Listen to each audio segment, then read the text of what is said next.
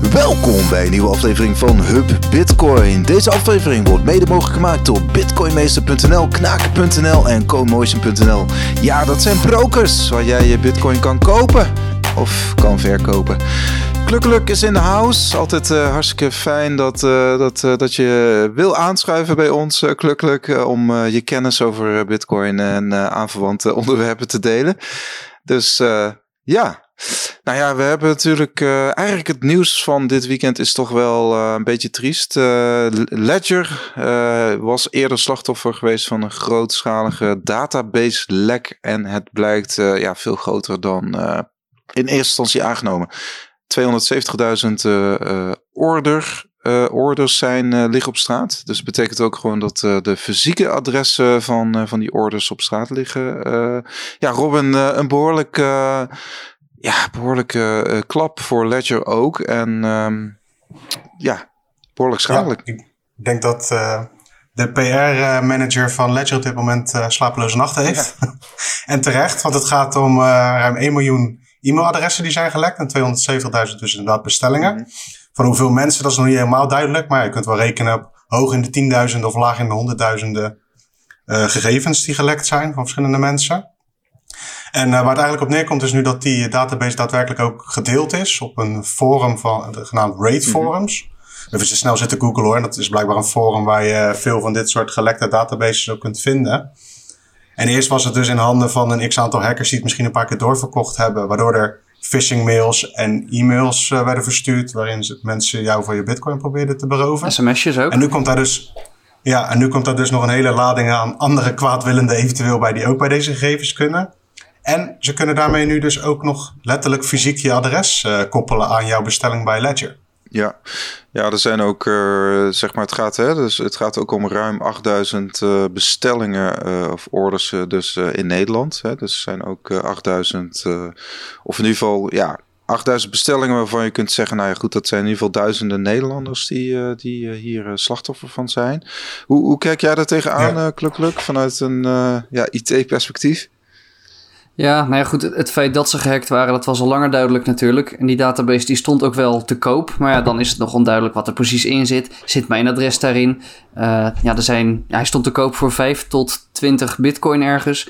En uh, inmiddels is die inderdaad gewoon uh, vrij goed vindbaar. Hmm. Ja, en kan je dus ook kijken ja. of je er zelf in staat. Ik sta er gelukkig niet in. Ik heb ooit wel een ledger gekocht. Maar het vermoeden is, en we hebben ook een groepje van mensen bij elkaar gevonden die ja, die in die database staan. Het vermoeden is dat het oude systeem ooit is omgezet naar het nieuwe systeem en dat het nieuwe systeem gehackt is. Want het lijkt dat mensen met hele oude orders, dat daar het adres niet van gelekt is, het, het huisadres, maar wel het e-mailadres. Dat is wel uh, geluk bij een ongeluk, denk ik. Want zeker bij uh, mensen die wat langer met Bitcoin bezig zijn, uh, zouden mensen kunnen denken van hé, hey, daar valt wat te halen. Misschien is dat stiekem nog wel goed dat het soort van nieuwe klanten geweest zijn. Ja, Buiten ja, dat het gewoon super is. Want voor mij eh, stond er wel een e-mail tussen. Maar geen, uh, gelukkig heb ik hem in ieder geval nog niet gevonden, geen uh, adresgegevens. Nee, voor mij ook niet. En dat was voor mij ook op een oud adres. Maar het is wel gewoon uh, kloten. Want zeker in de, in de wereld van bitcoin zijn natuurlijk heel veel mensen wel met uh, bezig. Kijk, wij zitten hier, uh, en ik zitten met naam en toenaam helemaal gewoon online. Maar daar kiezen we zelf voor. En jij doet het pseudo-anoniem, kluk kluk. Uh, maar iedereen die daar gewoon een bestelling heeft gedaan, die gaat ervan uit van hé, hey, ik uh, lever mijn gegevens in, ik uh, krijg iets om mijn bitcoin weer op te slaan en that's it. Precies. En nu ja. moet je met allerlei andere dingen rekening gaan houden. Ja, en een, een berichtje ja. op Bitcoin Magazine van er is een ledger hack geweest. Dat ziet er op zich eng uit. Maar ik heb dat bestandje dus ja, gepakt. En ik heb gewoon eens even gefilterd op Netherlands. Nou, dan ziet het er opeens wel heel eng uit. Dan zie je gewoon echt Nederlandse namen. Je ziet Nederlandse adressen. Je ziet het gewoon een volledig uh, ja, je ziet het volledig staan met telefoonnummers erbij. Mensen kregen ook sms'jes. Dus ik dacht, ja, ik moet hier wat mee. Dus ik heb vanochtend meteen in de, uh, op Telegram op, in de kaasrobot, mijn uh, robot, een, uh, een commando gemaakt. Als je slash ledger doet en dan iets intypt, dan gaat hij die tekst gaat hij zoeken in de databases. En dan vertelt hij of het, er, uh, of het erin staat. Ja, ja ik heb hem zelf, uh, zelf getest. En ik, ik sta er alleen inderdaad met een privé e-mail in. Gelukkig geen fysiek adres. Maar die, die, nog, steeds, die, nog steeds vervelend. Ja, ja die kaasrobot werkt wel, werkt wel goed en is betrouwbaar. Hè? Want... Hoe komen mensen daar terecht bij de kaasrobot? Um, ja, je kan hem gewoon, als je Telegram al hebt, uh, in het uh, zoekveld typ je gewoon kaasrobot en dan krijg je een, mooie een plaatje van een kaas en dan klik je daarop. Oké. Ja. Ja, je kunt het ook zelf opzoeken dus. Want als je een beetje handig bent, dan kom je die database wel tegen. Let wel op, download ook daar niet zomaar dingen. Want ik zag onder andere dat er een bestandje rondging dat er een raar was. Mm uh, die was dus verpakt. Maar ja, god weet wat daar allemaal in zit. dus ik heb hem ook niet gedownload zelf. Nee, nee, precies. Nou, als je dus als mijn kaasrobot zegt van joh, uh, wat je hebt gezocht, dat staat erin. Dan krijg je ook een linkje naar uh, de, de slachtoffergroep. ja, de, de, de ja. mensen die allemaal ja, waarvan iets gevonden is. Ja, want als we daar, even... Daar worden die bestanden ook gedeeld. Als, we, als we even afbellen wat, uh, wat Ledger inderdaad voor fouten heeft gemaakt. Hè, laten we daar eventjes over hebben. Want volgens mij zijn er ook, is ja. de nodige privacywetgeving overtreden. Want volgens mij als jij een bestelling hebt gedaan in 2017... want naar verluid gaat het om bestellingen vanaf 2017, begreep ik dan, uh, dan moeten zij die, die, die persoonlijke data al lang gewist hebben natuurlijk. Of in ieder geval ergens uh, offline uh, opgeslagen hebben. Ja, ik verwacht ook wel dat Ledger te maken krijgt met een x-aantal... ik zeg op Twitter, ja, meestal zijn dat ook loze bedreigingen hoor. Van we gaan jullie aanklagen en zo. Maar ik zie dat nu wel gebeuren. Want zeker in Europa heb je wel gewoon te maken met strenge privacywetgeving. Ja. Ja, en ik zag ook al wel mensen die in, die, in dat groepje dus van ja, van victims.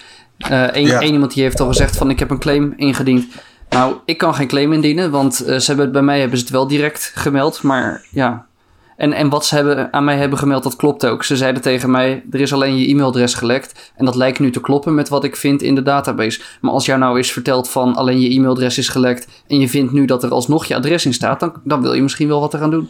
Ja, ja, ja, het, ja, het is een beetje een kwestie van uh, niet opslaan wat je niet veilig kunt houden. Dat is misschien makkelijk gezegd vanaf onze kant, maar dat is wel wat het is. Als jij, dingen, als jij uh, persoonlijke data opslaat en blijkbaar is het een kwestie van een foute API-key volgens mij uh, waar iets mis is gegaan waardoor de hacker toegang kreeg dan is dat wel echt een flinke fout in je beveiliging volgens mij. Ja, en ze zijn enorm gedoken op allerlei altcoins en support voor altcoins, dat die ook op die ledger kunnen. Maar ik had liever gehad dat ze, dat, uh, dat ze die tijd in uh, beveiliging hadden gestopt. Ja, in hun defense, ik heb daar ook niks mee, maar ik denk wel dat ze een hoop geld verdiend hebben met die altcoin support. Want ik denk dat Ledger een, uh, de grootste naam is misschien wel, zeker hier in Nederland. Ja, heel groot geworden in 2017 ook. Hè? En, uh, ja. Maar goed, de, even... En hadden ze dat maar gebruikt om dit soort dingen dicht te timmeren?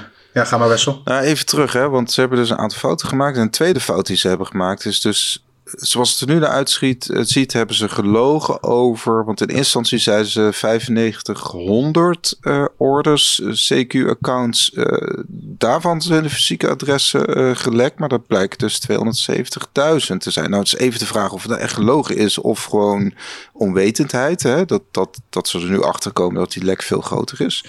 Maar dat, dat ja. is natuurlijk ook wel kwalijk. Dat, dat, dat, dat ze daar gewoon helemaal geen regie over hebben gehad. Klopt. Ja, wat je nu ziet is dat ze ook bij Ledger, uh, bij de podcast van Pieter McCormack, schrijft er vandaag of morgen geloof ik iemand aan. Ja. Uh, wat, wat Bitcoin dit van, uh, van Pieter McCormack, die gaat met een van de Ledger medewerkers in gesprek. Misschien wel de CEO, weet ik ja, niet precies. Maar dus mocht je slachtoffer zijn of gewoon meer informatie willen, ik heb er zelf nog niet gehoord, want hij is nog niet uit op het moment van opname, is dat misschien wat relevante info. Dus ik ben inderdaad benieuwd wat zij gaan vertellen over deze hack, want uh, het komt er mij op neer dat ze en uh, nou, die data is dan gestolen en daarna inderdaad niet volledig iedereen goed hebben geïnformeerd. Hoe het er nu voor staat. En dat is wel een kwalijke zaak natuurlijk. Ja, ja dus eigenlijk, eigenlijk voor iedereen die ooit een ledger heeft gekocht, in ieder geval sinds 2017 is het wel even, ja je kunt jezelf dus inderdaad terugzoeken. Uh, ja, mocht je een mail ja. ontvangen van Ledger, uh, klik gewoon ja, nergens op. Daar komt het op neer. Uh, want vooral Ledger zal zelf nooit vragen om klik op een link en download dit bestand. Dat zullen ze nooit, zullen ze nooit doen.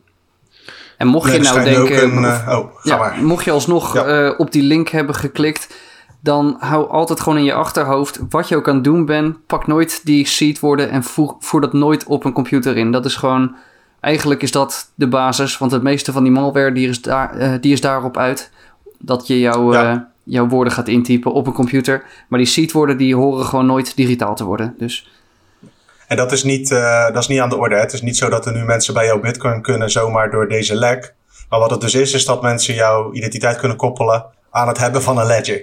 Ja, en hoe groot achten jullie eigenlijk nou dat risico? We hadden vanochtend had ik ook een beetje daar een discussietje, of ja, niet echt een discussie over, maar kijk, in principe weten die hackers niet wie wat hoeveel bitcoin er op al die ledgers staan. Hè, van die ruim 8000 Nederlanders bijvoorbeeld. Dat, dat, dat weet men niet. Nee. Dus het is een beetje ook... Nee, ja, het is een beetje... Het ligt ook waar, wie je bent en wat je doet. Kijk, wij... Uh, wij zitten hier nu over te praten. Mensen gaan dit luisteren. Maar je hebt ook een hele hoop mensen die er bewust voor kiezen... om gewoon helemaal niks te vertellen over bitcoin... en gewoon hun ding blijven doen. Som, er zijn zo min mogelijk mensen willen laten weten wat ze aan het doen zijn. Ja. En voor die mensen is dit een risico dat je gewoon nu met naam en toenaam te vinden bent en te koppelen bent aan, uh, aan Bitcoin. Dan kun je niet weten hoeveel Bitcoin iemand heeft.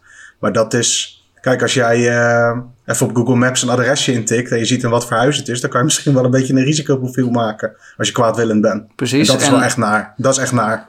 Het is nu gelekt zoals het er nu in de economie voor staat ook natuurlijk. En als we straks, uh, als de hele boel instort en er is meer werkeloosheid en meer uh, wanhoop, ja. dan uh, ja. betekent dit ook meer. En wie weet over een jaar of tien betekenen deze gegevens dus ook weer wat anders. Dus ja, ik vind het ja. nog wel een beetje eng. Ja, ja. ja kijk, het is ook niet, het, is niet het eerste datalek en ook helaas niet het laatste. En, maar dit is er gewoon weer één, is op dit moment een hot topic en iedereen moet gewoon kijken wat ze met die informatie kunnen doen. Het is een feit dat het gebeurd is. En uh, kijk, of je nou nog klant bij Ledger wil zijn en zo, dat moet iedereen voor zichzelf bepalen, vind ik. Maar uh, het is goed om over na, weer eens over na te denken van waar je informatie deelt en wat je deelt. Ja, hoe je je bitcoin opslaat. Ja, misschien kunnen, we dat, ja. uh, misschien kunnen we dat nog eventjes ook doornemen. Van stel iemand heeft, ik noem wat, toch wel een behoorlijke hoeveelheid bitcoin. We zien natuurlijk die prijs stijgen. Wat, en hij staat op die lijst. Wat, uh, wat is dan verstandig om te doen? Hè? In de zin van. Ja. Nou, misschien wil je wel. Een, van me. Ja. Misschien wil je wel een oplossing waardoor uh, als mensen aan je deur staan, dat je helemaal niet de mogelijkheid hebt om ze meteen die bitcoin te geven. Zo zijn er hardware wallets waar je eerst een uur moet wachten voordat je bitcoin kan uitgeven. Of vier uur of acht uur, wat je ook maar instelt. Ja. Dat kan een stukje helpen. Misschien wil je die ledger wel helemaal niet meer thuis hebben liggen. Misschien ga je met een custodial party werken of met zo'n meerdere keys uh, oplossing, zoals Casa. Er zijn hier wel oplossingen voor. Ja. Ja, ja en dat is eigenlijk hetzelfde als altijd. Van, uh, je moet doen wat je zelf fijn, wat fijn aanvoelt bij, voor het management van je keys. En wat je ook kunt, kunt doen. Wat je ook daadwerkelijk uh, foutloos kunt gebruiken. Zeg maar. Je kunt wel een heel ingewikkeld systeem bedenken. Maar als jij uh, tien schakeltjes hebt in zo'n uh, systeem en dan gaat er eentje verkeerd, dan moet je wel rekening mee houden. En dat is het nare van dit. Je kunt niet echt één specifieke oplossing vinden, waardoor je geen. Je moet ook niet doen alsof iedereen nu gelijk een target op zijn rug heeft, maar wel meer een target dan voor deze lek. Ja. Ja, ik dacht misschien een hele simpele. Hè? Je hebt, uh, hier waar ik woon heb je, hebben we te maken met uh, tieners die beroofd worden van een telefoon. En wat, wat op zich, wat misschien een oplossing ja. is, is dat uh, toen dacht ik, ja, weet je, ik ken die plekken ook waar dat gebeurt. Ik neem gewoon, stel dat er iets gebeurt, ik neem gewoon een oude, oude smartphone mee en dan zeg ik gewoon alsjeblieft. Weet je wel, hier heb je mijn telefoon. maar dat, dat, dat ja. zou je in theorie misschien ook wel met een, met een hardware wallet kunnen doen. Dat je zegt, nou ja, ik heb in ieder geval één hardware wallet. Uh, met, uh, met de seeds, et cetera. Er staat misschien uh, whatever 0.1 bitcoin op. En dan alsjeblieft. En nu doei. Dat is ook al geld hoor, tegenwoordig. Ja, ja, nou ja, goed. Maar misschien genoeg om ze weg te sturen. ja, met, ja. ja. Klopt, afkoopsommet. Ja, dat geloofwaardig genoeg is. Ja. Maar goed, het is, ah, maar, het is, een, het is maar een zo, ideetje. Ja, het is zo kloten om überhaupt over na te moeten denken. Maar dat is wel, zeker in de wereld van bitcoin waar je je in begeeft. Je moet nadenken over je eigen geld. En over waar je bezit wat je bezit is en hoe je dat een beetje kunt beschermen. Ja, nou ja, goed. Een andere oplossing is uh, dat, dat natuurlijk. Uh, wij, wij praten nu heel erg over non-custodial uh, oplossingen. Je hebt natuurlijk gewoon ook een groep die. ja, ik, ik zeg dat vaker, maar die dus gewoon wel terecht kunnen bij een beurs of bij een custodian. Ja, ik zou nooit van mijn leven zeg maar een beurs aanraden om je geld te bewaren. Ja, een deel ervan hè. Als je, als je nadenkt over dat soort spreidingen, zou ik eerder kijken naar partijen die uh, gespecialiseerd zijn in custodial diensten. Ja. Als je dat ja, wil. Precies. Ik, zelf dus. uh, zit, daar voorlopig, zit daar voorlopig niet aan te denken in ieder geval. Maar dan zou ik eerder naar uh, dat soort diensten kijken. En voor de rest is het gewoon, ja, um, dit is een van de zoveelste hacks. Maar het is er wel eentje waar je even weer op Bitcoin gebied over na moet denken, denk ik. Nou ja, dit, dit is ook wel, uh, misschien kun je daar ook op inhaken, is dat dat, dat, uh, dat zei een oprichter van de peer-to-peer beurs, uh, Hoddle Hoddle, die zei ook van ja, door bijvoorbeeld die nieuwe regulering wordt er een soort grote honingpot gecreëerd van, van persoonlijke data natuurlijk. Ja, dus wij worden allemaal geacht om die persoonlijke data af te geven. Want dat is nou eenmaal verplicht ook als je bitcoin uh, ja, wil kopen of verkopen. Uh, maar ja, goed, dat creëert natuurlijk wel voor aanvallers een leuke, leuke database. Ja, precies. En data die er niet is of die je niet geeft, die uh, kan ook niet worden gestolen. En ik heb zo'n cold card wallet gekocht uit, mm -hmm. uit Canada. En als je die mailt en je vraagt ze naar je bestelling om je data weg te halen, dan doen ze dat ook meteen. En dan, maar zij moeten wettelijk gezien moeten ze wel een stukje transactie-info moeten ze bewaren. En dan hebben zij uitgelegd, toen zeggen ze ja, de Canadese overheid die zegt wel dat we die transactiedata moeten bewaren, maar ze zeggen niet hoe. Dus het enige wat we van je bewaren is je land. okay. dat vind ik wel mooi. ik weet niet of je daar bij de Nederlandse bank doorheen komt. ja, weg is weg. Ik, ik, ben, ik ben al tevreden. Ja, precies. Nee, voor dat voor jou is het prima, maar het gaat meer om in Nederland inderdaad. Wat Wessel bedoelt is dat iedereen nu dit soort databases aan moet leggen met ook heel veel persoonlijke gegevens. Helemaal eens, ja. En uh, ja, dat er iets van controle moet zijn, daar kan ik me wel iets bij voorstellen. Goed, daar valt ook een discussie over te voeren. Maar op deze manier creëer je dus, moet je voorstellen dat er nu een database lekt van een beurs of broker in Nederland, omdat dat moet, omdat het allemaal bijgehouden moet worden van de Nederlandse staat. En dat je dat dan kunt koppelen aan, dit, aan, dit, aan die hack van Ledger. Dan heb je dus en het adres en misschien wel zelfs hoeveel bitcoin iemand heeft gekocht. Ai, ai, ai. Ja. Toch? Nou ja, goed. En die, die, wel die heel erg aan het koppeling, domdenken hoor. Ja. Maar Ja. het is... die koppeling die bestaat natuurlijk maar- nog niet echt. Die koppeling bestaat natuurlijk nog niet echt van, eh, van Ledger naar... eh, of ja, van hardware-adres of seed-adres naar persoon. Maar Nee, ja, het wordt wel steeds bij- enger. Ja. be- beurzen en brokers in Nederland, die moeten eh, jou vragen van... hey, waar stuur jij het adres heen? Is dat adres van jou? Ja, precies. En dan heb je zo'n screenshotje van een ledger. En dan heeft er ook nog iemand die Ja. kan zien dat jij een ledger hebt gekocht. Nou, dan zijn. 1 en 1 wel heel snel 3. Kijk, en we gaan nu heel erg op die, op die stoel zitten van dat daar eh, allemaal dit soort dingen mee gebeuren. Maar het is gewoon zo jammer dat het, die mogelijkheid nu langzaamaan ontstaat. Want volgens mij is het een kwestie van tijd dat dat een keer misgaat bij een beurs of broker in Nederland. Ja. Ja, laten we het hopen van niet. Maar het is inderdaad wat je, wat je, Ja, wat je, wat je vaak ziet in de praktijk. En ik, ik ga nou niet de bruggetje maken naar andere onderwerpen. Maar dat vaak de maatregelen hebben vaak neg soms negatievere bijeffecten dan, dan het probleem zelf. Hè? Ja, voor mij in mijn beleving wel zeker in deze, dit aspect. En dus, dus Maar laten we niet te veel... Nee, nee, eh, laten we niet te veel op door, eh, doorgaan. Ehm, ja, eh, toch wel, ik vind het toch wel, ja, in zekere zin schadelijk. Want het is natuurlijk toch wel een soort van, ja, best een belangrijk bedrijf natuurlijk. Die hardware wallets maakt. Het heeft eigenlijk helemaal niks te maken Zeker. met Bitcoin netwerk. Maar, want dat is super veilig, eh, vooropgesteld. Maar het komt nu toch wel weer, ja, gewoon een beetje negatieve nieuws. En dat is, eh, vind ik, eh, ja, gewoon jammer. Door, Ja, kijk, aan positief nieuws ook geen gebrek natuurlijk. nee, nee, nee. Dus Dus, eh, eh, wat dat betreft... Laten we dan gelijk doorgaan. Ik wilde wel even een paar... eh, ja, ik wilde er een paar doorheen gooien, even oh, kort. even kort. Ja, Doen ja. we daarna weer... Korte nieuwsflash. Moeten we eigenlijk nog een dingetje voor hebben, hè? Ja. die Arnold dan in kan sluiten. Inderdaad. Anyway, ehm, de miningmarkt die is booming. Mhm. En Bitmain is een van de grootste hardwarefabrikanten in die markt, nog steeds. Ondanks hun verkeerde eh, manieren van geld uitgeven door onder andere Bitcoin Cash te kopen. Maar dat terzijde.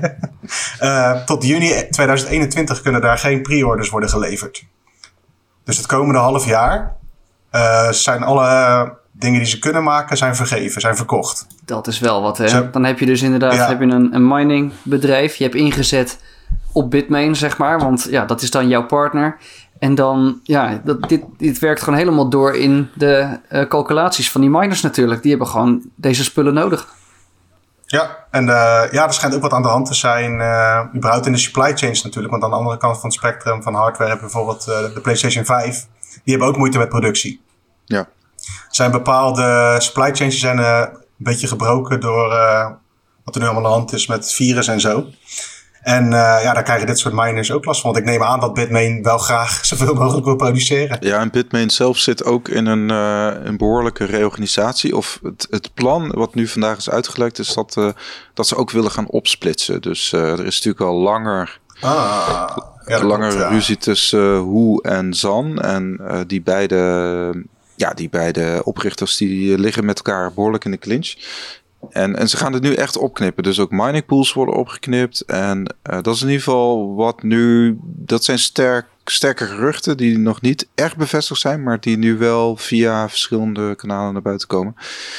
Dus, uh, ja, dus dat zou op termijn betekenen dat je een Bitmain hebt die zich echt kan richten op in dit geval het uh, fabriceren van uh, hardware ja. en niet op allerlei ander spul. En op termijn zou dat goed kunnen zijn voor de toestroom aan nieuwe hardware, denk ik. Ja, nou, kijk bijvoorbeeld btc.com als mining pool, die, die gaat naar, naar, ja, naar Woe en de, de, zeg maar de fabrikant, de fabrieken die gaan weer naar Zan, et cetera. Maar die heeft dan ook weer Antpool, ja. dus die twee, die twee mining pools, dat wordt ook opgesplitst. Uh, maar goed, ja. is allemaal vrij. Dan kun je ook zeggen van uh, als je alles uit kunt verkopen wat je in een half jaar produceert, dan ben je goed bezig. Ja. Maar het is alleen maar om aan te geven dat uh, er gewoon superveel interesse is in, in bitcoin minen. Want het is, hoe je het ook bent of verkeerd, een van, de mak een van de schoonste manieren om aan bitcoin te komen. Want je hoeft geen KYC te doen om een block reward te krijgen. Nee, en het is winstgevend hè? Ik bedoel met deze. En uh, het, het schijnt heel winstgevend te kunnen zijn ja, als je de juiste opstelling kunt vinden en de juiste plekken op aarde waar je goedkope energie kunt, uh, kunt uh, gebruiken. Heb je ooit bitcoin gemined, Kluk Mag ik dat vragen? Nou, volgens mij ging dat ooit vanzelf. Als je een Bitcoin Core aanzette, dan stond dat vinkje miner stond gewoon standaard aan. Ik heb alleen nooit wat gevonden, dus... Ja, het stond standaard en, aan. Ja, dan wordt je laptop warm en dan zet je dat weer uit. Ja. Ja. Nee, oké. Okay. Dat kon nog uh, in de vroegere tijd, in het begin. Over uh, de vroegere tijd uh, gesproken. er staat al meer dan 10 jaar staat er 1,85 miljoen bitcoin stil. Dus ongeveer 10% van de supply van bitcoin wat op dit moment is, staat al 10 jaar stil, heeft al 10 jaar niet bewogen. Er zitten onder andere de coins in die waarschijnlijk van Satoshi ja. zijn, ruim een miljoen. Ja. En dat houdt nog 700, ruim 700.000 munten over die al 10 jaar stilstaan. Uh, is het altijd een beetje gissen van hoe dat precies komt. Je hebt natuurlijk een hele grote kans dat er heel veel van die bitcoin kwijt zijn. En allicht zitten er een paar mensen tussen die echt uh, stalen handen hebben. Of stalen ballen, het is maar net hoe je het wil noemen. Uh, al tien jaar lang die coins gewoon vasthouden. Ja, ja je hebt Wat ook denken jullie? die... Denk je dat het uh, overgrote deel verloren is? Of dat er gewoon ook mensen zijn die echt nog stevast dit vasthouden op deze manier? Nou, af en toe is er nog wel eens zo'n transactie die er tussendoor komt, die dan van 10 jaar oude coins uh, komt. Dus ja. het is zeker niet Ja. allemaal weg. Ik denk, ik, ja, mijn vermoeden is toch het, het overgrote deel wel. En je hebt ook uh, van die uh, coin-analyse bedrijven die dan al zeggen, ja, als het meer dan 5 of 6 of 7 jaar niet bewogen is, dan, dan beschouwen we ze als uh, verloren. Dat, dat vind ik ook weer niet een conclusie die we moeten trekken. Nee. Nee, precies. Dan wordt er de analyse. Ja, weet je wat ook is? We hebben die data heb ik van Glassnode. En die moeten natuurlijk ook af en toe met een. Uh, af en toe, eigenlijk elk moment van de dag willen zij met een berichtje komen met interessante statistieken. Ja. Want wij geven ze dan weer coverage en mensen gaan het weer delen op Twitter. Dus je moet af en toe ook een beetje misschien iets te haast conclusies trekken. Nou, wat, ja, wat interessanter die, ook die, is, is dat, maar goed, dat is een ander getalletje, is dat volgens mij 60, 60 procent mm -hmm. al zeker uh, 12 maanden niet is verschoven. Dat vind ik dan ook wel weer uh, interessant. Ja, is iets meer relevante data, wil je zeggen. Ja, nou ja, dat toont wel aan dat ondanks die prijsstijgingen mensen wel vasthouden. Ja, ja je ziet natuurlijk ook uh, gewoon die, die toestroom van grotere instituten. Ja, die gaan niet zo snel uh, hun bitcoin verplaatsen op een gegeven moment. Want die zitten erin voor de misschien nog wel langer dan de persoon zelf die het nu heeft aangekocht in. Ja. Die bedrijven hebben natuurlijk een veel verder, uh, hoe noem je dat, time horizon. Die kijken veel verder dan uh, jij en ik misschien. Ja, misschien wij, wij zelf ook, hè, Robin, dat weet je niet. nee, true, dat is waar. Ja. Um, wilde ik daar even op inhaken. Uh, beleggingsfondsen bijvoorbeeld, die nu bezig zijn met bitcoin. Ja. Moet ik even kijken. Ja, we hebben Ruffer. Ruffer, ja, ik heb het woord ook ja. niet bedacht. Uh, dat is een Britse uh, ja, grote vermogensbeheerder, kun je wel zeggen. Volgens mij beheren ze in ieder geval tientallen miljarden ponden, CQ, euro's of dollars. Maar Um, ja, die hebben 744 miljoen gestoken in, in bitcoin. En dat is natuurlijk... 744 miljoen dollar, ja. dollar. ze noemen het zelf een soort verzekeringspolis voor als allerlei andere beleggingen falen. En dat is het eerste stapje. Dat je denkt van, als de rest faalt, dan koop ik maar bitcoin. Het gaat om 2,7% van de assets die ze in beheer hebben.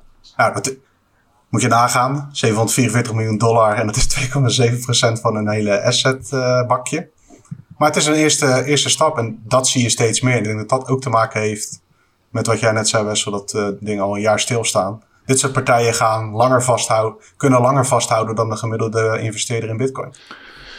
Ja, dat, dat is in ieder geval. Het is bedoeld om als een soort proef hè, eigenlijk. Van we gaan het testen. We gaan uh, 1 tot 5 procent van ons vermogen uh, ja, omzetten. Vaak is dat van goud-ETF's of, of fysiek goud in, in Bitcoin. Dus, dus blijkbaar scharen ze Bitcoin wel in dat. Ja, in, dat, in die categorieën. Dus je ziet, niet, ja. je ziet niet dat ze dan bijvoorbeeld obligaties inwisselen. Wat, wat op zich, ik zou zeggen, ja, Misschien kan het ook eh, contractueel niet of zo, maar dat, dat, die levert natuurlijk helemaal niks op. Je kunt zeggen, ja, uh, op zich goud gaat denk ik ook nog wel, uh, wel wat opleveren, denk ik, de komende jaren. Omdat het toch ook wel een, een, een soort hedge is natuurlijk in het monetaire stelsel. Maar, Ja, maar goed, de categorie waar ze natuurlijk in zitten in te wisselen, komt van goud. En dat is dan hun inflatie-hedge. En volgens mij de meeste fondsen of de meeste berichten die ik heb gezien, die noemen ook wel ergens het woord inflatie waar, met, met als reden waarom ze bitcoin kopen. Klopt, ja. dat, dat narratief is langzaam... Uh, het was eerst een meme, op, eh, denk ik, op bitcoin Twitter en zo. en nu langzaamaan is het helemaal omhoog uh, gevallen richting uh, de echt vermogende partijen op deze aarde. Maar ik bedoel, en, het, het speelt... Want ik heb er ook wel een kerst, het kerstdiner komt ook wel aan. Zij het in een uh, kleiner gezelschap. maar komt, komt, dat, uh, komt het woord inflatie ook wel eens te sprake met, met, met vrienden, familie, kennissen bij jullie? Uh, kluk, heb jij dat ook wel? Ja, ja, maar dan zit ik ook weer te denken, misschien ben ik wel degene die daarmee komt. Dus ik weet niet of dat helemaal eerlijk is, maar ik heb het er wel ik steeds meer over. Zeggen, ja. ja, ik probeer eigenlijk niet meer zoveel over bitcoin te beginnen, maar meer inderdaad over gewoon het geld aan zich. Van, als je euro's hebt, dat wordt sowieso minder waard. En of je nou Pokémon kaarten koopt of bitcoin, iets wat je begrijpt wat eventueel waardevast kan zijn, dat is echt een stap vooruit. Ja. En daar komt inflatie wel voorbij. En jij Wessel, ben je al aan het oefenen? Uh, oefenen op wat? Uh, waar je elevator ja, pitch. Uh, je Bitcoin oh, elevator, elevator pitch. ja. Nou, ik merk wel dat in ieder geval steeds meer mensen om me heen wel eigenlijk wel Bitcoin hebben. Ja, en dus ook wel ja, toch wel zien dat, dat ze een alternatief nodig hebben. Um, en, um, maar het, het, het hele idee dat, dat zeg maar de euro minder waard wordt, dat, dat, dat, dat zit nog niet tussen, tussen de oren. Dus dat, uh, ja. Maar ja, goed, je hoeft maar naar de huizenmarkt te, te verwijzen en zeggen, ja, kijk eens naar die, uh, naar die huizen. Die zijn natuurlijk, uh, het is hetzelfde huis, maar ja, het is, het is in... in ja, ga daarmee tegenop sparen met de euro's. Succes. Ja, dus dat, uh, en, en ik, ja, goed. Dus, en, en, en dat, dat, dat werpt natuurlijk een enorme drempel op voor toetreders aan zo'n markt. Dus als je eenmaal in zo'n markt zit, dan, dan ja, kun je zeggen, profiteer je ervan. Hè? Maar, als je, maar het sluit ook wel heel veel mensen uit. Maar goed, nu gaan we over een ander onderwerp hebben. Maar, en, uh, nou ja, ja, zei jij niet net wat leuks, uh, gelukkig op Telegram? Die zegt trouwens heel vaak wat leuks natuurlijk. Maar ehm, dat ging over dat we verkopen van, of kopen van bitcoin voortaan verkopen van euro's moeten gaan doen, toch? Ja, precies. Dat zat ik net te denken. Als we dat vanaf volgend jaar nou gaan doen. Dat we gewoon zeggen, uh, nou, ik, uh, ik heb weer verkocht. En dat we dan eigenlijk bedoelen, ik heb weer eurotjes verkocht. Voor dat bitcoin? De, ja, dat de basis eigenlijk uh, bitcoin is. Want nu zeggen we inderdaad, nou, ik ga weer kopen. En dan denken mensen dat je bedoelt, ik ga weer bitcoin kopen. Maar ja.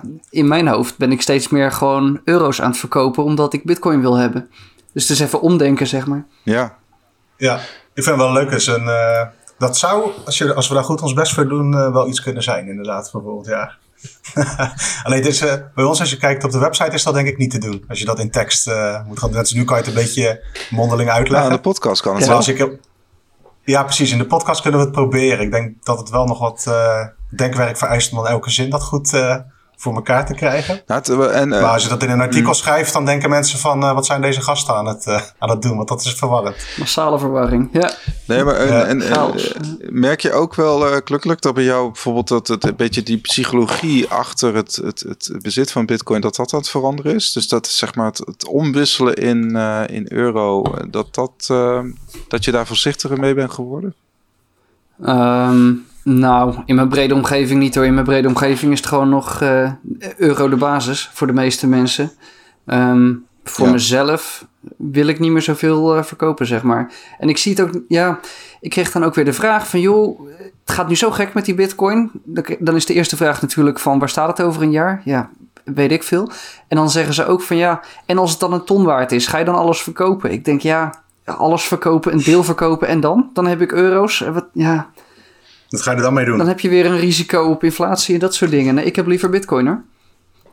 Ja, het is ook meer Ja. dat, dat, maar goed, eh, tuurlijk, er is altijd wel wat te wensen, maar eigenlijk eh, heb ik op dit moment ook niet zo heel veel te wensen eh, wat dat betreft. Dus kijk, ik, ik wil alleen maar zeggen, als je gewoon je, eh, weet je, als je gewoon je normale leventje kan, kan leiden en je hebt niet zo per se, je hoeft niet per se, ik noem maar wat, een nieuwe auto of een nieuwe boot, dan ja, dan, eh, of een boot moet ik zeggen, ik heb geen boot, maar dan, dan, dan, dan, dan is er ook geen reden om te, om, om te wisselen, toch? Of, of zie ik het nou verkeerd? Lijkt me ook niet. Ja, en dit is toch ook wel die time preference die aan het aanpassen Ja, is. Ik dat heb het bij mezelf Ja. heel erg gemerkt. Ja.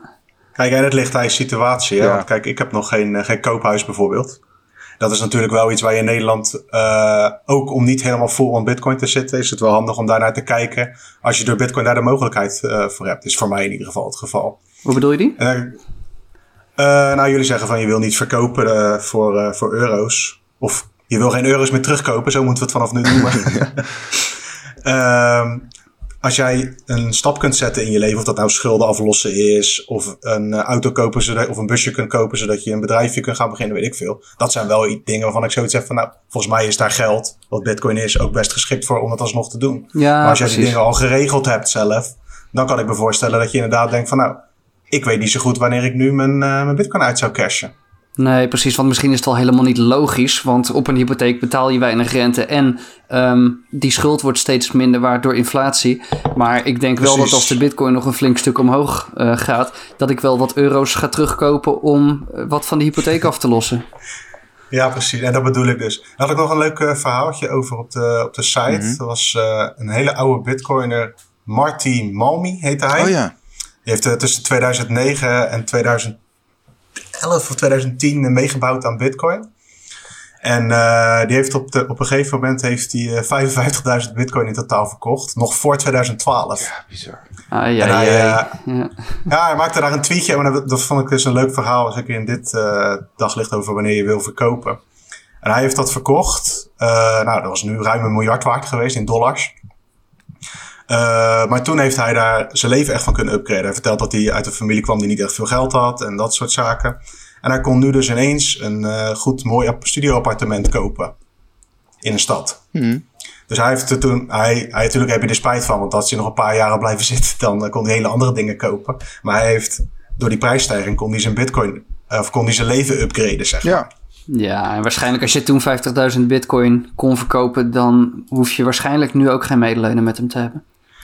Nee, hij legt ook uit dat hij nog wel in de bitcoin race zit. Geen miljoenen geeft hij aan. Of dat is om te, geen target op zijn rug te zetten, of dat het echt zo is, dan laten we hem maar even in het midden.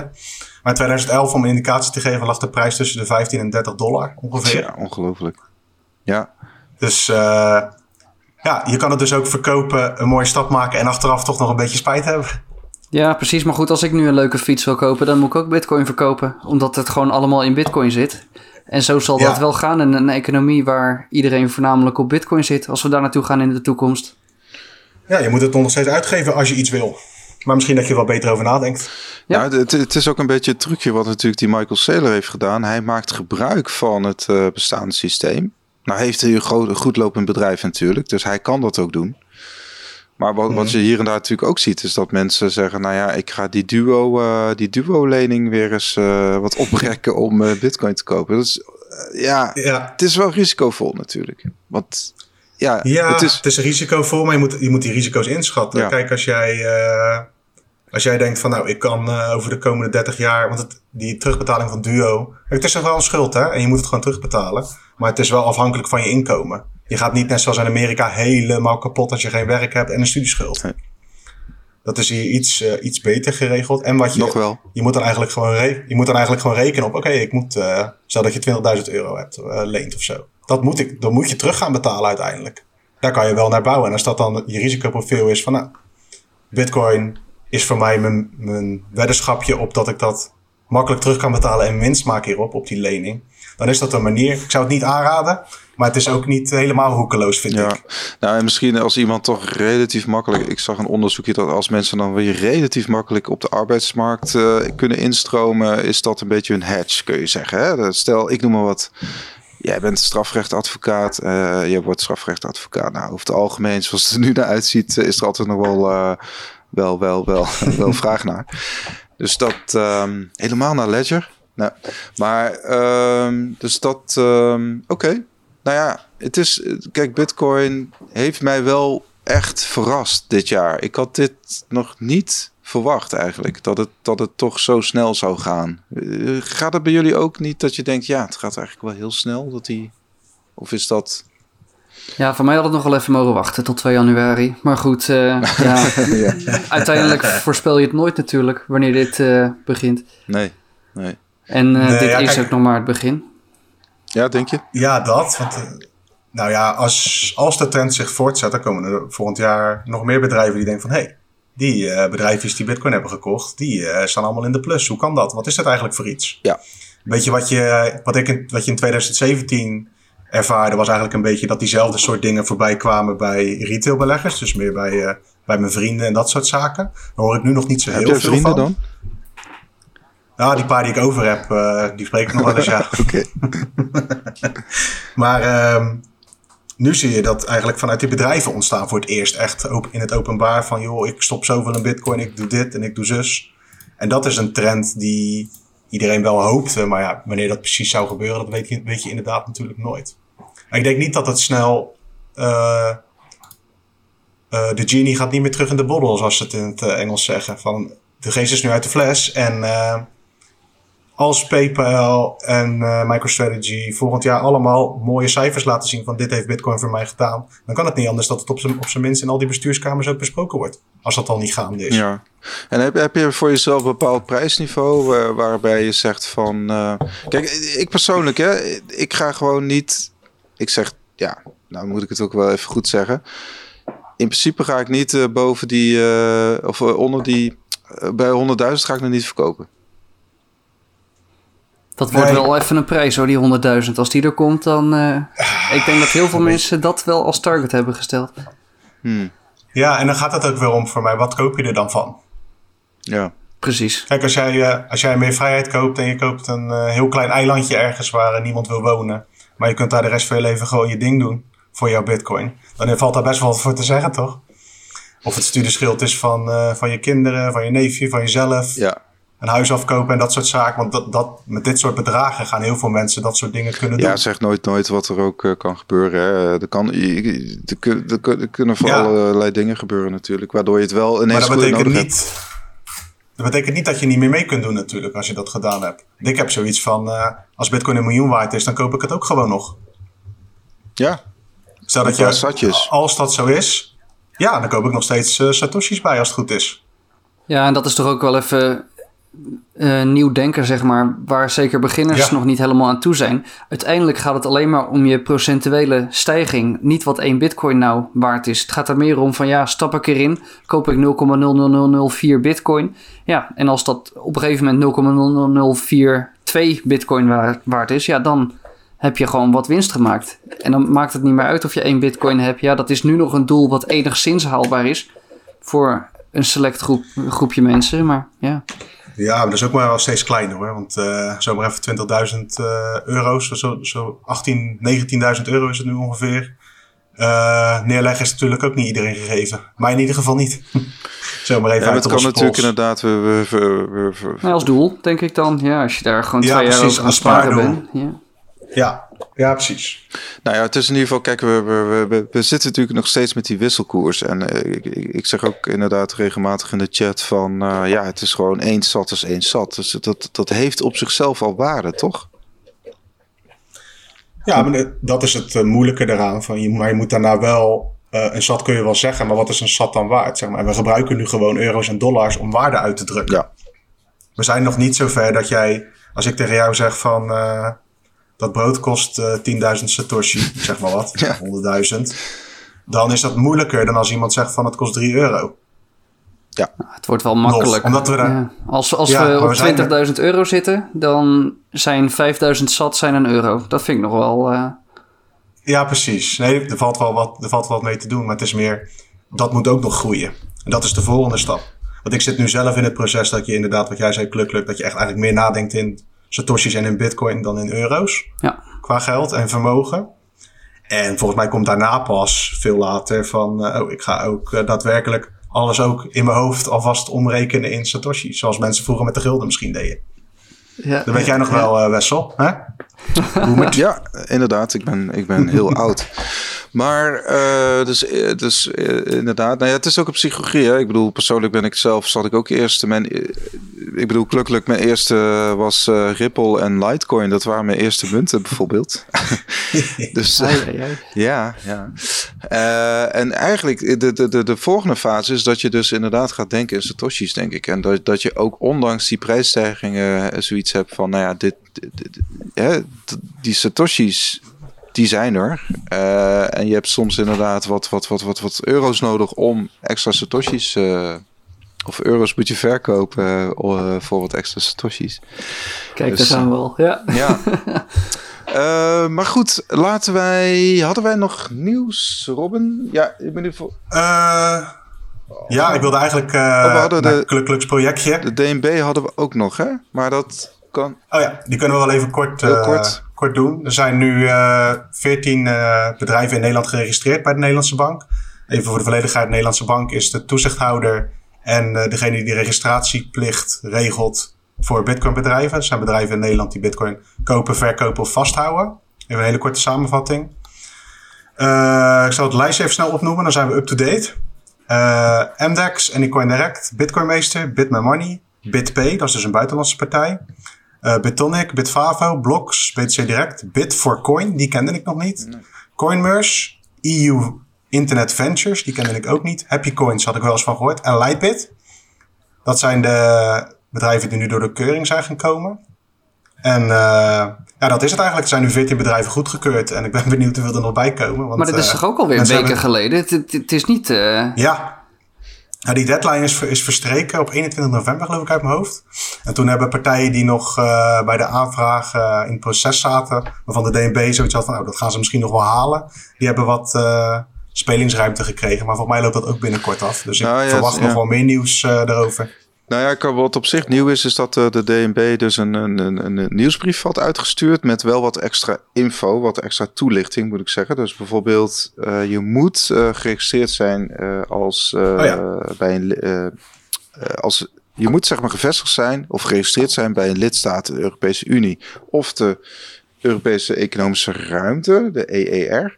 En dan kun je een aanmerking komen voor registratie. Dus stel je hebt alleen een licentie in Singapore dan uh, kun je niet op basis van die licentie uh, zeggen uh, van hè, ik mag Nederlandse klanten gaan bedienen. Precies, en je moet ook een kantoor hebben dan in de ER, toch? Toch niet alleen een licentie, maar volgens mij ook een kantoor. Dat zou goed ja, je kunnen, moet, ja. ja. je moet gevestigd, je moet ergens een vestiging hebben, inderdaad. Dus je moet ergens... Ja. Ge... Nee, ik verwacht een beetje van diezelfde tussenpionnetjes als dat partijen in Amerika doen. Dus dat je Binance.us hebt, weet je wel. Dus ik, die hebben daar gewoon een uh, partij opgekocht die alle juiste papieren al had. Ik verwacht eigenlijk een beetje hetzelfde hier, als dat mogelijk is. Dat je binnen Europa ergens een uh, soort van shell company hebt waar je dat kunt gaan doen. Nou ja, ja kijk, misschien partnerships of zo, dat kan ook. Ja, geen idee. Ja. Nou ja, bijvoorbeeld die EU Internet Ventures, daar uh, moet ik even goed, maar dat, daar zit een. Uh, daar zit een provider achter die bijvoorbeeld ook met Binance samenwerkt. Dus die, die, die de, de fiat hmm. crypto betalingen uh, faciliteert. Ja, dus die... Ah, want dat is, ook, dat is toch ook wat ze reguleren? Uh, de Bitcoin-euro-transacties, zeg Ja. maar. Ja. Dus als EU Internet Ventures dat doet voor een andere partij die niet in de EU gevest- gevestigd is, dan kunnen ze misschien nog wel het een en ander regelen. Ja. Dus, eh, Zoiets. Oké. maar goed, de- de- de- die regelgeving gaat natuurlijk veel verder. Hè? Want, want de- eigenlijk, en dat zie je nu in Amerika ook, dat is misschien een mooi bruggetje, is dat ze ook steeds meer regeltjes gaan bedenken voor eh, non-custodial wallets. Van eh, bitcoin naar bitcoin betalingen, transacties. Hè, en dat, dat- nou, die wet, die wet in dat, die, dat voorstel in Amerika is volgens mij een beetje hetzelfde als hier. Dus dat het vooral gaat om dat beurzen, die moeten kunnen bewijzen dat ze het echt naar de juiste persoon hebben gestuurd. Voor mij zijn ze daar niet, misschien dat dat tussen neus en lippen was genoemd, maar dat is bijna niet te doen. Bitcoin naar bitcoin transacties reguleren, dat eh, is nog wel een stapje te ver gelukkig. Nee, oké, maar je moet wel, zeg maar, in, in de praktijk komt het nu op neer dat stel ik wil van eh, een Nederlandse broker, ik noem wat, mijn bitcoin versturen naar bijvoorbeeld Kraken. Dan moet ik, eh, dan moet Ja. ik bij die Nederlandse broker eh, moet ik, eh, aantonen, door middel van een foto of whatever, dat ik eigenaar ben van dat bitcoin-adres. Ja, klopt. Oh, dat is Om sowieso best bitcoin te practice. Eh, het is sowieso best practice om het eerst naar je eigen adres te sturen als je het daarna weer ergens anders naartoe wilt sturen. Even tussendoor. Mhm. Maar ja, dat is inderdaad wat er gaat. Er gaan allerlei gekke hoepels zijn waar je doorheen moet springen om het een beetje lekker te gebruiken. Nee, maar Dus ook, als jij neer. bijvoorbeeld eh, een adres van je eigen node, eh, dan, moet je dat, dan moet je dat ook nog steeds moet je dan met een foto aantonen dat dat jouw adres is. Ja, maar alleen als je geld opneemt, niet als ik naar jouw bitcoin stuur. Nee, klopt. Al- Alleen als je dus met derde, perso- derde personen te maken Ja. hebt. En we zeggen het alleen, maar het is gewoon eh, wederom heel vervelend dat dat moet. Ja. Maar als je dat eh, wat minder wil, dan kun je bijvoorbeeld je bitcoin een beetje eh, veilig proberen op te slaan. Of een beetje veilig, heel veilig proberen op te slaan. En jij gelukkig hebt daar eh, een nieuw projectje voor gestart. Je hebt tal van projectjes lopen. Dit gaat om storingbitcoin.info. Gelukkig heeft Ja. zeven projecten lopen. We gaan ze allemaal even opnoemen. De Lightning Nee, Watchbot. nee, nee, maar wij... Oh. of wel? De, Ja, de. Lightning. Watchbot. De kaasrobot. De storingbitcoin.info. Beginnen met bitcoin.com. Dat is een podcast. Bitcoinstickers.nl en lightningwiki.net. En Twitter at lightningpool. Ja, met heel veel moneypool informatie. Ja, een bezig bijtje. En je werkt ook nog, eh, je werkt ook nog gelukkig, of niet? Ja, maar ik heb wel een, eh, hoe heet het, Eh, gezegd dat ik op vrijdag niet meer wil werken. Dus dan eh, Ah. veel meer tijd voor dit soort, eh, voor dit soort dingen. Ja, leuk. Laten we bij storingbitcoin.info gaan starten. Eigenlijk, dat wil ik eigenlijk even behandelen. Het gaat erom eh, een soort van flowchart krijg je als je op die website komt. Waarmee je eh, kunt bepalen hoe je je bitcoin goed op kunt slaan. Of je op de goede weg bent, toch? Ja, nou goed, we hadden natuurlijk al die discussie toen het over Ledger ging. Van ja, eh, Ja. hoe past dat nou in je strategie van het opslaan van Bitcoin? En waar ik mee ben begonnen is inderdaad die flowchart. Dat je met al die doosje, of met die, ja, met die, met die vierkantjes. En dat kwamen dan weer vragen uit. Dan werd je helemaal rondgeleid. Maar dat werd een gigantisch ding. Ja. En inmiddels eh, zijn we een site begonnen. Zijn wat eh, mensen die al eh, aan het helpen zijn. Dus ja, dit is echt nog iets. Ja, in, het, eh, in de beginfase. Maar we zijn inderdaad een site begonnen waar je gewoon begint. Ik denk dat je een minuutje of vijf eh, bezig bent. Maar je krijgt een hele hoop vragen naar je toe. Wat vind je belangrijk? Hoe veilig wil je het hebben? Wie moet er de toegang hebben tot je bitcoin? Eh, vertrouw je een derde partij? Al dat soort dingen. En uiteindelijk kom jij gewoon uit op een strategie om jouw, eh, jouw bitcoin op te slaan. En wat is dan een voorbeeld van een strategie? Stel dat ik bijvoorbeeld zeg van, nou, ik ben niet zo... mijn privacy maakt niet zoveel uit, maar ik wil vooral zelf mijn keys hebben. Kom je dan bij de hardware wallet uit? Of zijn er dan nog andere opties? Ja, ja de, de meeste wegen die leiden wel naar de hardware wallet. Maar goed, dat is ook een beetje hoe ik hem dan weer invul. Want er wordt jou wel de vraag gesteld van... joh, vertrouw jij jouw exchange om eh, gewoon te blijven bestaan? En als je zegt, ja, dat vertrouw ik... dan is het ook prima. En dan zeggen we, nou, dan laat je toch lekker op je exchange staan. En misschien denk je dan later weer eens... als het over een hele hoop geld gaat... dat je dat wil gaan eh, veranderen. Maar inderdaad, het gaat Ja, wel precies. vaak naar een, eh, naar een hardware wallet toe... Ehm, ja, maar ja, ook als je nou blijft zeggen van joh, eh, maak het nou lekker moeilijk voor mij en geef mij de technische oplossing, dan kan je ook op een Shamir Secret Sharing uitkomen. Een heel technisch ding om jou, jouw seed eh, op te knippen. Dus ja, we proberen al die, gradaties proberen we ja, op uit te kunnen komen op basis van je antwoorden. Ja. ja, het is echt een goed initiatief, denk ik. Want er zijn zoveel mensen die hier moeite mee hebben. Ja, ja, en hulp is welkom. Ik bedoel, het is echt net uh, nieuw en misschien is de tekst nog niet helemaal logisch of zijn sommige vragen nog niet helemaal logisch. Dus uh, nou ja, hij staat ook op GitHub, dus uh, input is zeer welkom. Hij is ook vertaald al in het Nederlands. Ja, ik zie het. En, ja. Engels. Ja, dus, ja, dus we hebben Engels en Nederlands. Misschien zijn er nog luisteraars die nog meer talen kennen. Ja, dan, ja, als je de tekst zou willen vertalen, dat is ook al heel erg, heel erg welkom. Want bijvoorbeeld inderdaad, wat, wat je nu steeds meer hoort, uh, multisig wallets, is dat, is dat iets wat je al gaat behandelen of dat komt nog? Ja, zit er ook in. Oh, zit er ook dus al inderdaad, als jij, ja, ik weet uit mijn hoofd even niet bij welke antwoorden je daar nou op uitkomt, maar dit is een van de uitkomsten, ja. Als je inderdaad veel controle wil. En of, of als je wil dat er meerdere mensen moeten gaan tekenen. Nou, dan zou je uit kunnen komen op zo'n multisig uh, oplossing. Ja. En wat ik later ook wil doen, is naar producten linken. Dus als jij zegt van joh, ik wil inderdaad mijn eigen node kunnen koppelen vanwege mijn privacy. En ik wil zo'n timeout waar we het eerder over hadden. Van als die overvallers komen, dat je dan uh, twee uur moet wachten. Dat je dat je zegt van deze twee dingen wil ik en dat we ook daadwerkelijk producten gaan aanbevelen. Maar ik wil nog even daarover nadenken hoe we dat eerlijk gaan houden. Want ik wil ook niet uh, een reclamesite worden voor een specifieke hardware uh, wallet. Nee. nee, weet je zou maar net uh, Ledger heel het aanraden en dan gebeurt er dit soort dingen. Ja, dan krijg je dat. dat ja. Niet, ja. Nee, want het is wel, dit soort websites zijn super handig. Maar je bent wel nog steeds zelf verantwoordelijk voor alles wat je hierna doet natuurlijk. Zeker, ja, ja precies. En misschien moet er ook nog wel een disclaimertje onder van... joh, uh, het blijft je eigen uh, risico of zo. En er moet ook een stuk ja, meer informatie mening, ook nog in. Ja. Of jullie mening.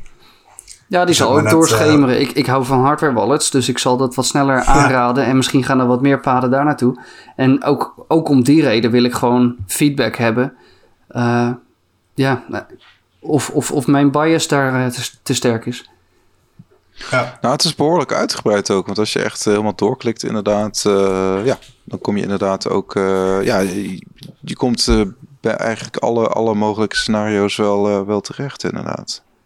Ja, en het is ook niet als je nou op die charmeer bent uitgekomen. Ik wil ook niet van dat je eigenlijk eerst heb je een antwoord gegeven van... joh, uh, ik wil wel eens even kijken naar die technische oplossing. En dan kom je bij zo'n charmeer uit, wat een best wel een lastig ding is. Ik heb dan ook weer knopjes dat je weer terug kan van... joh, oh, nou dit klinkt dan toch nog wel net even te lastig. Dat je dan nog even een andere, ander pad kan nemen. Ja. Maar ja, het zijn inderdaad, het is, het is zo'n hele flowchart. Beetje zoals je vroeger van die boeken had, waar je... Uh, ga nu naar pagina ja. 50 voor. Uh, Daar heb ik nog wel een uh, spreekbeurtje over gedaan. Uh. Over nou, waarover? Nou, je had al van ja, dat is dan zo'n boek. Ja, ga maar. Ja, ga maar. Oh. dat is zo'n boek die je dan leest. En dan lees je niet heel het boek, maar je gaat zeg maar, krijgt een keuze. Ga naar pagina 18 of ga naar pagina 64. En daar gaat het verhaal dan verder. En dat is een beetje wat dit is. Je klikt de keuzes aan die jou het leukst lijkt. En je komt uiteindelijk bij het ding wat, wat jij wil. Maar, zeg maar, je maakt je verhaal. En in dit geval maak je dus een soort van advies voor jezelf voor hoe je je bitcoin eventueel op kunt slaan. Ja. En dan moet je nu zeggen, dit was mijn spreekbeurt. ja, zijn er, zijn er nog vragen? Zijn er nog vragen? Je hebt elke week een spreekbeurt, of niet? Uh, via deze podcast. Um, ja, inderdaad, ja. Even kijken. Uh, ja, nee, inderdaad. Multisigs zijn cool, staat er onder andere. Ja, zover ben ik uh, al doorgeklikt. Nee, hartstikke leuk, hartstikke goed ook. Uh, want ik denk dat er nog steeds wel heel veel uh, fout gaat met het opslaan van de seeds. En ik, ik, ben, ik ben altijd persoonlijk wel geïnteresseerd hoeveel procent echt bijvoorbeeld zo'n stalen plaat heeft. Zo'n brandveilige stalen plaat waar die ja. seeds nou, Misschien als daar ooit een database van uitlekt, dan kunnen we het te weten komen. Nee, maar hopen dat dat niet gebeurt. Nee, dat wil je niet. Nou, ik denk dat James de Lop er wel op staat, denk ik. Maar goed, dat is een, een aanname. Um, ja, eigenlijk uh, hebben we nog... Oh ja, wat ik nog wel heel leuk vond, uh, gelukkig ook om met jou te bespreken... is dat Kraken bezig is met een uh, Lightning ja. integratie. Toch wel oh, ja. opvallend, want Kraken is toch wel een flinke, flinke beurs. Ze hebben ook een banklicentie in Wyoming... Uh, en uh, dus ja, je ziet ook dat de, die, die grotere beurzen en, en brokers die willen uiteindelijk toch bankje gaan spelen. Nou ja, op het moment dat zij op Lightning Network zitten, is dat toch wel goed nieuws. En, Lijkt me ook, ja. Ik, ik hoop vooral ook op de Nederlandse exchanges. Maar dit zou nog wel een reden kunnen zijn om over te gaan stappen. Want ja, we hadden nu ook een discussie in de Beginnen met Bitcoin groep over Mhm. de, eh de opnamefees van exchanges. En nou, dat gaat al snel naar een paar euro, zeg maar. En ik zie dat wel zitten als je gewoon dan je, je transactie hebt gedaan, gewoon via Ideal wat gekocht. Dat je niet 4 euro transactie nog, eh, kosten nog hoeft te betalen als je net 100 euro hebt gekocht. Maar dat het gewoon voor een paar cent of, of ja, tiende van centen gewoon eh, terug naar je wallet komt. Ja, nou ja, dat is, dat is denk ik ook wel iets waar eh, beurzen en eh, exchanges of eh, brokers op gaan concurreren, op die, op die, op die fees. Ja, dat ga je krijgen. Kijk, als Kraak, want Kraak heeft gewoon een goede service ook in Nederland. Als Kraak goed werkt en je bent iemand die vaak gebruik maakt van opnames bij beurzen, om wat voor reden dan ook. Dan kan het op termijn heel interessant zijn om dan maar bij degene te gaan die gewoon de goedkoopste opnamefees heeft. Kijk, als jij eh één of twee keer per jaar eh, je geld ergens afhaalt en je hebt zoiets van ik maak gewoon, ik wil gewoon een zo makkelijk mogelijk platform. Dan heb, hoef je niet per se met Lightning aan de slag. Maar als jij echt bezig bent met besparen op kosten van jouw eh, bitcoin transacties van partijen af, ja, dan is dit de plek waar, waar je winst te behalen valt. Ja, en dit is nog zeg maar echt de lightning naar de gebruikers toe. Dus dus, ja, zoals jij en ik, die gewoon wat geld opnemen. Maar wat ik ook hoorde is dat eh, exchanges praten over de mogelijkheid om tussen elkaar ehm, met lightning aan de gang te gaan. Dus dat gewoon zo'n Binance en een Kraken gewoon een, een 20 bitcoin kanaal naar elkaar openen. Waar gewoon ja, die sats heen en weer blijven vliegen. Ja, zijn ze daarbij gebaat? Zit ik even na te denken. Want de reden dat het bij banken bijvoorbeeld ook vaak eh, wat trager is, zeker van oudsher, omdat ze dat geld zo lang mogelijk vast wilden houden. Is daar iets, denk je dat dat met beurzen ook zo is? Nou, volgens mij moeten zou- vooral de Bitcoin-toko's, die moeten wel echt full reserve eh, bankieren. En ik weet ook niet of zij dat nou, of, je, of, of zij winst gaan maken op hun eh tegoeden. Ja, laat ik, het, laat ik het anders zeggen. Als jij als eh, beurs A een snelweg bouwt naar beurs B. om zo snel mogelijk het geld daar te krijgen. En het geld blijft daar hangen en niet bij jou. Qua volume. Heb je daar baat bij? Ik bedoel, met de incentive vanuit beurzen. Ja, Kijk, als precies. gebruiker zou het perfect zijn. Nou, ik denk, Maar ik dat, vraag me af hoe eh, snel dit gaat. ik denk dat als ik een beurs zou hebben, dat ik wel zou willen proberen om die interactie met andere beurzen zo snel en zo, zo, zo fluïde mogelijk te maken. Want dat is ook beter voor mijn orderboek. Ja, nou, ik denk vooral dat als de first mover, als je de first mover bent, als jij, stel dat Kraken dat gaat doen met een andere grote partij, dat kan wel voor eh, invloed zorgen wederom, want dan kan je weer besparen op handelskosten en dat soort zaken. Ja, je hebt ook... Ik wil eh, alleen maar zeggen, die partijen willen ook ergens geld verdienen. Ja, precies. Nou, volgens mij moet dat vooral op transactiekosten zijn. Eh, ja, op de orders, zeg maar. En ik weet niet of het geld verdiend wordt op het opnemen. Maar het zou kunnen. Dus misschien iets om een keer Ja, eh, te beurzen vragen zijn wel, eh, van een beurs.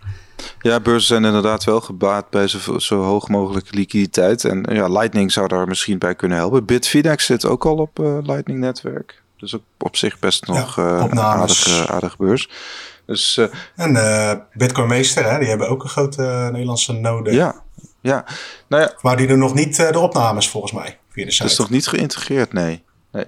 Ja. Maar even klukkelijk misschien te, tenslotte nog even, even wat, wat zou een beurs dus kunnen doen? Hè? Ik, ik, ik, ik, ik snap best het idee van ik heb een lightning node en ik connect met, met kraken en, en zo kun je heel makkelijk gewoon ja, transacties doen.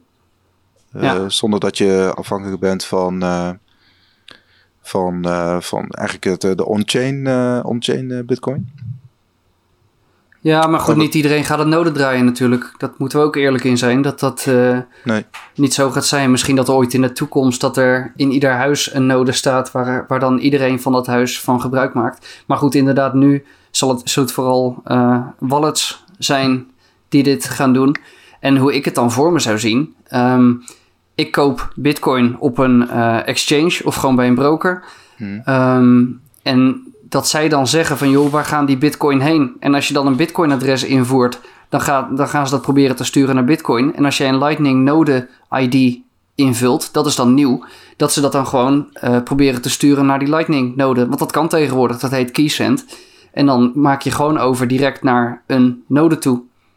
Ah, dat is wel nice. Dat is wel nice. En ja, en dan zou je nog als optie kunnen geven van joh, als jij die liquiditeit niet hebt, als jij niet kan ontvangen, omdat jij nog niet zoveel kanalen hebt. En dan, ja, volgens mij bij, eh, hoe heet het, bij Hub Bitcoin zijn er ook wel podcasts over Lightning geweest. Maar je moet wel kanalen hebben om te kunnen ontvangen. En je zou ook kunnen zeggen, ja, daar is een on-chain transactie voor nodig. Dat jouw exchange jou aanbiedt om een kanaal naar jou te openen. En het direct daarin naar jou toe te sturen. Ook nog een optie. Ja, Ja, ja. Dus iets meer, eh, wederom, een soort van interconnectiviteit tussen allerlei verschillende lagen van Bitcoin. Precies, maar goed, hier, nou, eh, hier zit nog wel een heel eh, user interface eh, dingetje in Ja, dat wil natuurlijk. ik dus vragen. Denk je dat dat volgend jaar in 2021 al, eh, dat we dat al gaan zien? Of denk je dat het toch meer dit soort nieuws van kraken is en dat het alleen maar gaat over in principe... eh, Nou, het, lijkt me toch wel dat de, ook, ook de exchanges in Nederland dit wel interessant vinden. En het leuke is dat je ook, je, je kan je nog prima heel goed aan de wetgeving houden. Want je gaat overmaken naar een Lightning Node ID. Ehm, en met dat, met dat Lightning Node ID kan je ook gewoon een berichtje tekenen.